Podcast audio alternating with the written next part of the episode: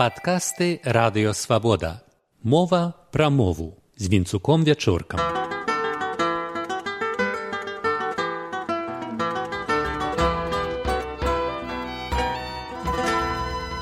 Вітаю шаноўнае спадарства. Словамі з катэгорыі сямейнай лексікі здавалася б маніпуляваць немагчыма, але спрабуюць. Напрыклад, словам бацька Александр Лукашенко з пачатку нулявых гадоў сістэматычна называе сябе ў трэцяй асобе бацька. Самі беларусы ў масе сваёй так не кажуць пра героя тэлеэкрану, але мянушку падхапілі ў рассеі ды ўкраіне, дзе добрым тонам лічыцца ўжыць яе ў размове з беларусамі. У нас яе ўжываюць вертыкальныя чыноўнікі ды падпявалы. Он плохому не научит. Батька всех построить может. Батька всех других покруче. Разведет легко обиды. Он надежен и спокоен. Только глянет сразу видно. Кто у нас хозяин в доме? Слушай батьку. Слушай батьку. А ў 2013 годзе Лукашенко нават абвясціў слова бацька сваёй прыватнай уласнасцю. под брендом батька там и прочее в России и Украине продают э, какую-то барматуху или э, разведенное сливочное масло. Как будто Лукашенко продает там. От моего имени продают. Поэтому мы уже начинаем россиян предупреждать об этом. Вы смотрите. Праўда, на постсавецкай прасторы яшчэ да Лукашэнкі бацькам зваўся камуніст Мікалай Кандраценко, губернатар краснадарскага краю рассеі. Відавочна, Лукашенко пераняў мянушку ў свайго таварыша. У беларускай мове здаўна слова бацька ўжывалася амаль суцэльна ў сямейным значэнні.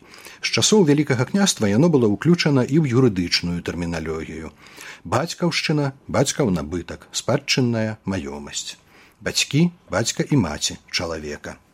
Вядома, слова мае і метафарычны патэнцыял. Вось нацыятворчая рака. Ой, Ньоман, ой, батька наш Ньоман, як сонца, як день дорогий, костями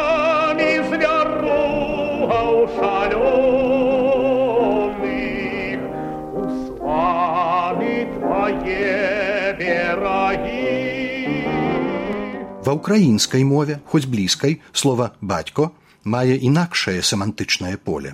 Народная песня пра трагічныя падзеі канца 18 стагоддзя. А наш батько Калнишевський того не гадає, а вже ж москаль, а вже ж москаль січу обступає. Бацькам казакі называлі гетмана. Магчыма, у працяг цюрскага атаман, якое часам звязваюць з ата бацька. Ужо ў іншую эпоху украінскі палявы камандзір анархіст Нестар Махно зарабіў званне бацько, дзякуючы тым самым казацкім традыцыям нерэгулярнага як бы народнага войска. А чаму ў беларускай мове слова бацька не стала зваротам да начальніка? Я наткнуўся на тэкст руская душа і неруская власть. Аўтарка Тацяна Міронова, член-карэспандэнт міжнароднай славянскай акадэміі навук, змагаецца з чужебесіем, выкрывае захад. Есть два типа отношений в иерархии руководителя и ему служащих. Это отношение подчинения и послушания. Подчинение предполагает преклонение перед законом. Тут звернем увагу, наколькі ёмістае і цывілізацыйна адпаведнае беларускае слово падпарадкаванне. Гэта значыць свядомае здзяйсненне парадку. Подчинение крайне противно русской натуре. Наш подлинно русский тип организованности основан на послушании, чужд западному представлению об организации и порядке. В русском понимании иерархия начальник и подчиненный – это иерархия отца, его сыновей и дочерей, причем допускается по-русски, что отец-правитель может быть даже жесток, если жесткость и требовательность полезны детям.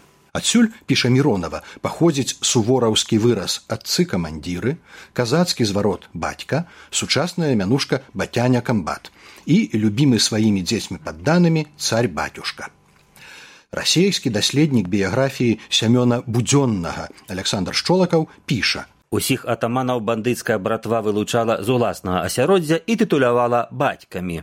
Таму не дзіва, што байцы першай коннай звалі свайго камандарма бацька сямён. Вось такая прычына жывучасці ў чырвонай арміі тытулу бацька, які ажыў падчас другой усесветнай вайны ў савецкіх партызанаў. Украінскае казацтва тут ні да чога. Быў і ў беларускай гісторыі дзяяч з мянушкаю бацька. Гэта генерал-маёр Станіслав Булак Балахович. Балахович прайшоў расійскую армію знізу, а ў закалотах 1917-19 гадоў сам ствараў аддзелы і пераняў завядзёнку быць адцом салдатам. Свой загад пасля выбіцця з пскова чырвоных ён падпісвае атаман сялянскіх і партызанскіх аддзелаў. Ужо тады да яго прыляпілася мянушка бацька у традыцыйным для расійскай арміі ды казацтва значэнні. Конь ты мой конь, шатары падковы, Ты вядзі, вядзі ў воінах, бацька Балахович. Балахович не толькі ваюе, але і піша наіўныя вершы па-беларуску пад псеўданімам бацька. Ён надта не слухаўся ўраду БНР і ўвогуле якога-небудзь ураду. Атаманская мянушка ішла за ім усё наступнае жыццё і засталася унікальнаю для беларускага нацыянальнага руху. А наагул у нашай вайсковай традыцыі не называлі камандзера, нават такога выдатнага, як князь Канстанцін Астроскі бацькам. Бо кожны шляхціч ваяр кіраваўся статутам ВКЛ і меў сваю матывацыю ваяваць за айчыну.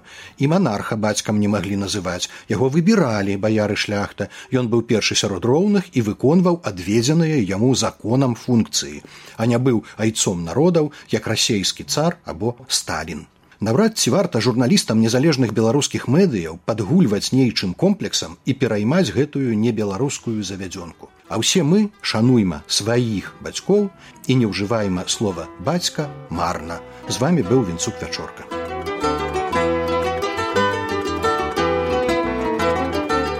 Выслухалі падкаст радыё свабода. Усе падкасты свабоды ў інтэрнэце на адрасе свабода кропка орг. Штодня, у любы час, у любым месцы, калі зручна вам. Свабода кропка орг. Ваша свабода.